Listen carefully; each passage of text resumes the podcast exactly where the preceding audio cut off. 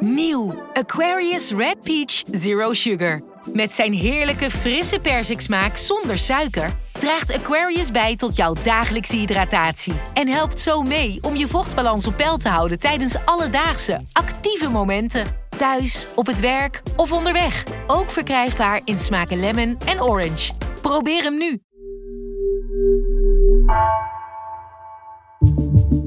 Vanaf de redactie van NRC het verhaal van vandaag. Mijn naam is Egbert Kalsen.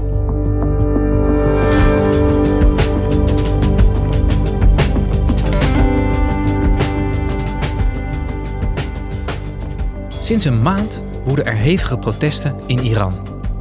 Wat begon als een reactie op de moord op een 22-jarige vrouw, is inmiddels uitgemond in een roep om de val van het regime. Het is niet voor het eerst dat de bevolking in opstand komt tegen de leiders van het land, vertelt correspondent Melvin Ingleby. Hoe kansrijk is dit verzet nu? En hoe krachtig de repressie?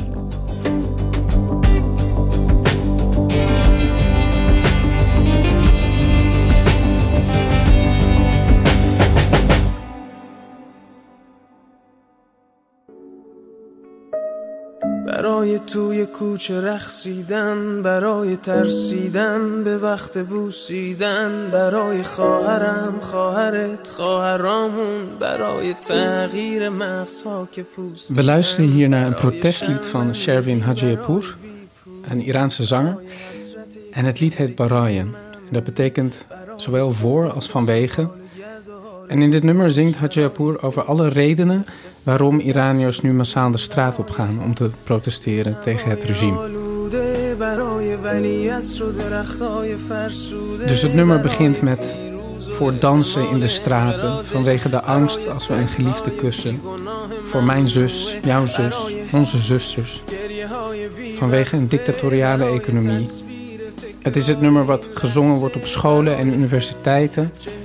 Wat gezongen wordt op demonstraties in de diaspora. Uh, wat mensen afspelen in hun auto. Lekker hard, zodat de andere mensen het horen. Het is dit nummer dat Iraniërs enorme inspiratie geeft om al meer dan een maand in opstand te komen tegen het regime.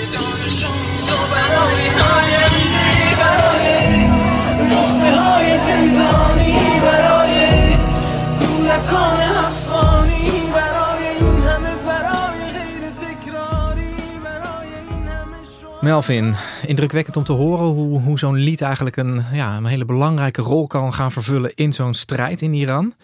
Um, jij bent onze correspondent Midden-Oosten en jij zit in Istanbul op dit moment. Twee weken geleden was je ook al bij ons om te vertellen over, over de protesten in Iran.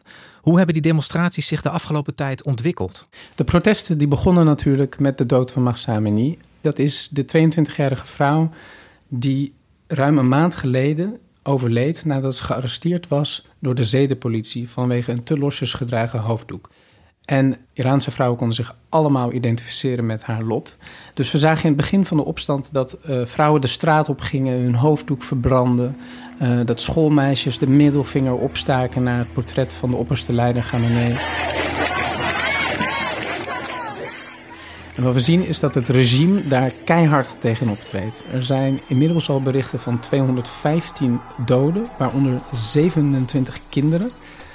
Het regime schiet met scherp. De gevangenissen zitten overvol. Mensen worden s'avonds opgepakt en van hun bed gelicht.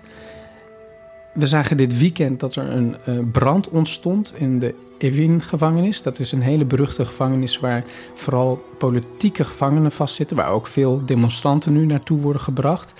Er zouden acht doden bij die brand zijn gevallen volgens de staatsmedia. Ik verwacht dat het echte aantal nog veel hoger ligt. Ondertussen zien we dat in Koerdistan, dus de provincie in het westen van Iran, heel erg hard gevochten wordt. Uh, Mahsa Amini was Koerdisch. De opstand is daar begonnen. Uh, de opstand is daar het felst en ook de repressie is dus het felst. En er zijn zelfs berichten dat er militair geschut wordt aangeleverd door het regime. En ondanks de enorme repressie blijven Iraniërs de straat op gaan om de val van dit regime te eisen. En met wat voor regime hebben die mensen in Iran uh, te maken, Melvin? Hoe ziet dat er precies uit? Daarvoor moeten we terug naar de Iraanse revolutie van 1978-79. Uh, destijds gingen Iraniërs ook massaal de straat op, maar dit keer tegen het vorige regime, dat van Shah Mohammad Reza Pahlavi. En die Shah, die koning, die voerde ook een zeer autoritair bewind, maar dan een op het Westen georiënteerd en ook seculier bewind. Zo had zijn vader bijvoorbeeld de hoofddoek juist verboden. En die revolutie die werd gedragen door linkse partijen, door vakbonden, door liberale partijen en ook door islamisten. Maar wat er gebeurde was dat na de revolutie de islamisten onder aanvoering van Ayatollah Khomeini uh, de revolutie gekaapt hebben en alle macht naar zich toe hebben getrokken en een islamitische republiek gevestigd hebben. Iran maakt zich op voor het referendum. Het leidt haast geen twijfel meer dat het een zegen zal worden voor Ayatollah Khomeini en de islam. De revolutionaire beweging die de Shah verdreef, heeft de touwtjes stevig in handen. De moskeeën zijn overvol. Het is alom Khomeini wat men hoort. Nou, in die Islamitische Republiek is een bepaalde ruimte voor pro-forma democratie. Maar de ware macht die ligt in handen bij de opperste leider, Khomeini zelf. En hij droeg het stokje in 1989 over aan de huidige opperste leider, Ali Khamenei. Dus de Islamitische Republiek die is gevestigd op een hele strikte interpretatie van de islam, die het wil opleggen aan de bevolking. Dus er kwamen allerlei uiterst conservatieve regels, bijvoorbeeld een hoofddoekplicht, regels over hoe je je dient te gedragen in het publiek. Er mag niet geflirt worden tussen jongens en meisjes. Er zijn geen relaties buiten het huwelijk mogelijk. En er kwam een moraalpolitie, een zedenpolitie, dus diezelfde zedenpolitie die Mahsa Amini heeft gearresteerd, om al die regels door te voeren. Om in de gaten te houden of iedereen zich aan die regels houdt. Ondertussen is het ook een regime dat politieke oppositie de kop indrukt. Dus er zijn door de afgelopen tientallen jaren heen miljoenen Iraniërs gevlucht. Vandaar ook dat de Iraanse diaspora zo groot is en over de hele wereld verspreid is. En binnen Iran zelf beland je, als je je uitspreekt tegen dit regime, al snel in de gevangenis. Daar wordt uh, gemarteld en er wordt in Iran ook nog steeds de doodstraf gehanteerd. Dus waar Iran in 1979 eigenlijk streed voor een democratie, zijn ze vanuit die dictatuur van toen nu opnieuw terechtgekomen in een onderdrukte samenleving. Hoe, hoe verhoudt de bevolking zich tot dit regime dan? Nou, het regime heeft natuurlijk een achterban van mensen die het steunen. En daarmee heeft het regime eigenlijk een soort sociaal contract waarin het zegt: oké, er komen niet veel politieke vrijheden, maar we gaan jullie wel sociaal-economisch uh, verheffen. Dus je ziet ook dat delen van de bevolking die hebben baat gehad in bepaalde opzichten bij dit regime. Eh, zo is er hè, meer gezondheidszorg of onderwijs gekomen in arme gebieden. En is een deel van de bevolking er ook economisch op vooruit gegaan na de uh, revolutie. Maar een ander deel van de bevolking, en inmiddels een veel groter deel van de bevolking, uh, wil helemaal niks met dit regime te maken hebben. En we zien dat vooral nu in de jongere generatie. Dus dat zijn mensen die ook hè, het vorige regime niet gekend hebben, die niks anders gekend hebben dan de Islamitische Republiek. Maar die zijn opgegroeid in een geglobaliseerde wereld, in een wereld waarin zij meer vrijheden willen. En die zich bovendien heel erg vernederd voelt door dit regime. Want waarom zouden zij zich moeten houden aan deze regels als ze zoveel potentie hebben, als ze zoveel plannen hebben voor de toekomst? En je ziet dat die vernedering van dat deel van de bevolking, van uh, vooral de jongere generatie, dat die nu echt tot uitbarsting komt.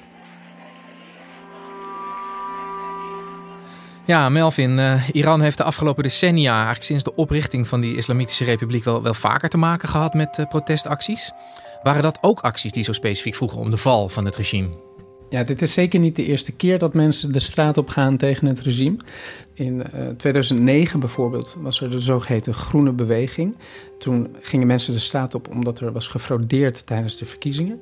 En die protesten die hielden ruim een half jaar aan. En tussentijd zijn er ook nog heel veel protesten geweest. En de grootste waren in 2019.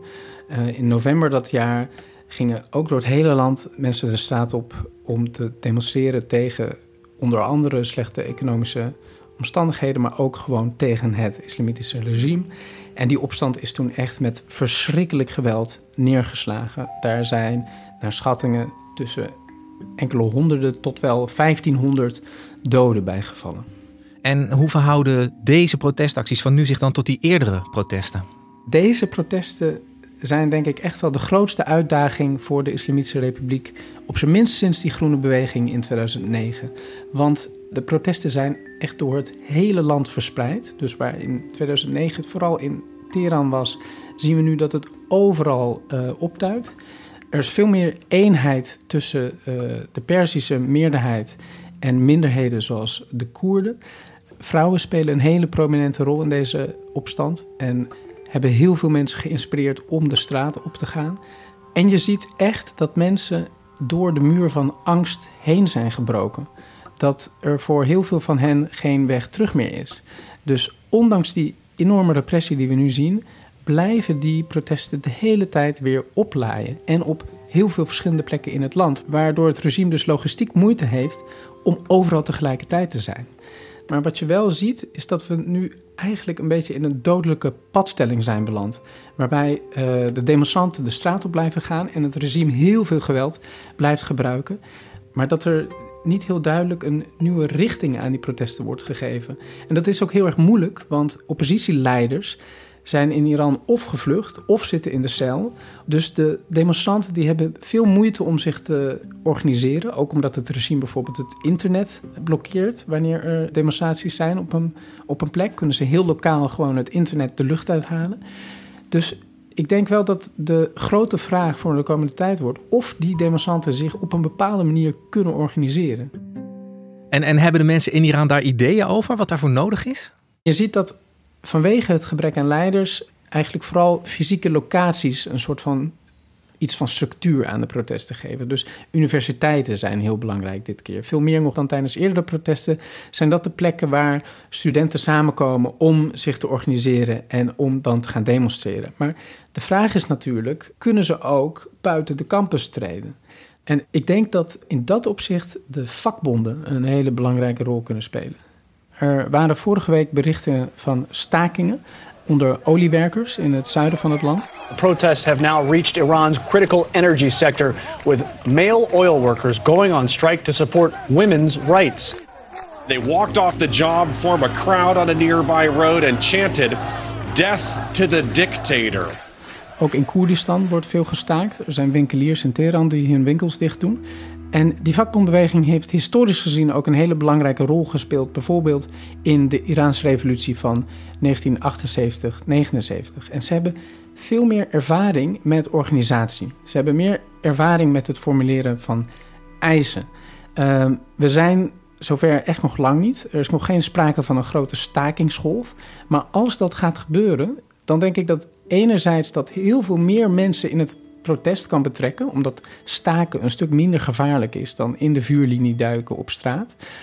En ook omdat die vakbonden dus ervaring hebben met organiseren en omdat ze doordringen tot een veel breder spectrum van de bevolking. Want je hebt natuurlijk aan de ene kant hè, uh, die jongeren die nu de straat op gaan, die betogen tegen de islamitische regelgeving, die de val van het regime eisen. Maar je hebt ook binnen de achterban van het regime zelf heb je heel veel onvrede. En dan vooral ook over de staat van de economie. Want het gaat heel erg slecht met de Iraanse economie. Dat heeft te maken met westerse sancties, maar vooral ook door corruptie en door mismanagement. Er is enorm veel ongelijkheid. De inflatie stijgt de pan uit. In de laatste tien jaar is de prijs van diensten en voedsel met uh, 1135 procent gestegen. Dus om een voorbeeld te geven, is, is kip bijvoorbeeld uh, nu 20 keer zo duur als tien jaar geleden. En dat zijn grieven die ook heel breed gedeeld worden. Dus je zou kunnen zeggen dat die oorspronkelijke belofte van het regime, dat sociale contract, dat zij de dienst uitmaken en zorgen voor economische voorspoed voor de bevolking, dat dat eigenlijk niet meer werkt. En kan dat nou, denk jij, een soort extra brandstof voor deze protestbeweging worden? Ja, zeker. Ik, nou, dat sociale contract dat, dat werkt al heel lang niet meer. Alleen het regime heeft dat heel lang proberen op te vullen met eh, haar propagandamachine. En altijd maar beweren dat het er is voor de onderdrukte en tegen de elite en tegen het Westen, ladila. Maar die propaganda slaat op een gegeven moment niet meer aan. Als de ongelijkheid en de armoede zo groot is. En als ook mensen binnen de achterban van het regime een beetje achter hun hoofd beginnen te krabben en denken van ja waar doen wij het eigenlijk voor? Staan wij echt aan de andere kant van de barricade als die studenten en die vrouwen die nu de straat op gaan? Of hebben we misschien veel meer met hen gemeen dan we denken en hebben ook wij baat bij de val van dit regime? En Melvin, die demonstranten die roepen nu allemaal op tot de afschaffing van dat regime. Hè? Ehm, het zou ook breder gedragen moeten worden om het misschien echt zover te krijgen. Zie jij al aanwijzingen dat dat regime al heel licht begint te wankelen? Uh, nee, zover zijn we uh, denk ik nog lang niet. Um, kijk, binnen de inner circle van Ali Khamenei, de opperste leider, zijn geen barsjes te bekennen. Uh, Khamenei heeft er alles aan gedaan om zich te omringen met ja-knikkers en heeft alle rivalen uitgeschakeld. Dus ik denk niet dat er een soort van intern verzet tegen hem gaat ontstaan. Um, wel is het denkbaar dat op een gegeven moment de revolutionaire garde, een heel machtig militair elitekorps, dat ook een groot zakenimperium heeft, op een gegeven moment op gespannen voet kan komen te staan met Khamenei. Als hij er niet in slaagt om de opstand uh, neer te slaan, dan is het niet ondenkbaar dat er iets als een coup zal plaatsvinden. Uh, waarin de revolutionaire garde een rol kan spelen. Maar dat is vooralsnog echt speculatie. Ja, want we zijn nu uh, ruim een maand onderweg met deze demonstraties en dit protest. Wat, wat, wat zijn nou de scenario's hoe dit verder kan gaan lopen? Zal het regime ook echt alles op alles zetten om, om het alsnog de kop in te drukken, denk jij? Ik denk dat uh, we in ieder geval kunnen verwachten dat het regime eerst de repressie nog veel verder zal opschalen. Kijk naar wat er nu gebeurt in de Koerdische gebieden. Daar zijn al berichten hè, dat er militair uh, materieel wordt aangeleverd. Uh, daar wordt echt hard gevochten tussen het regime en, en de demonstranten. En ik denk dat de kans bestaat dat we op, op termijn niet van enkele honderden, maar misschien wel van enkele duizenden doden gaan kunnen spreken als dit zo doorgaat. Want we zitten nu echt in een, een, een padstelling waarbij de demonstranten alsmaar doorgaan en het regime um, er niet in slaagt om overal tegelijkertijd te zijn. Dus dan maar misschien veel zwaarder geschut gaat gebruiken.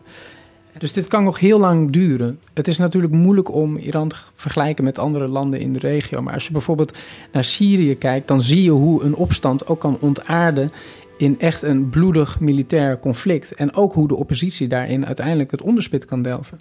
Als je kijkt naar Egypte, dan zie je dat het leger gebruik kan maken van een protestbeweging om vervolgens een staatsgreep te plegen en weer de macht naar zich toe te trekken en het regime te herstellen. Maar wat wel vaststaat is dat heel veel Iraniërs die nu de straten opgaan, um, zich echt niet meer laten insnoeren. Ze zien geen weg meer terug en veel van hen zijn bereid om te sterven voor deze opstand. Dus ik denk dat de komende weken, maanden Iraniërs de straat op zullen blijven gaan. Aangevoerd door de slogan waar het protestlied van Hajapur ook mee eindigt. Vrouw, leven, vrijheid.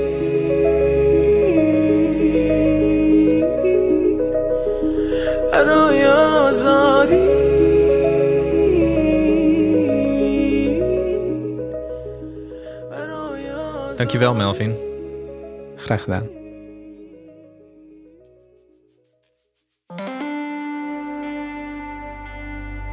Je luisterde naar vandaag, een podcast van NRC. Eén verhaal, elke dag.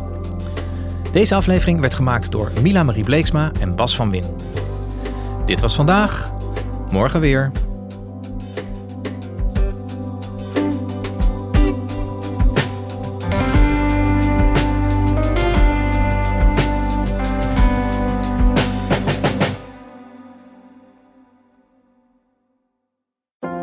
maatschappij waarin iedereen meedoet.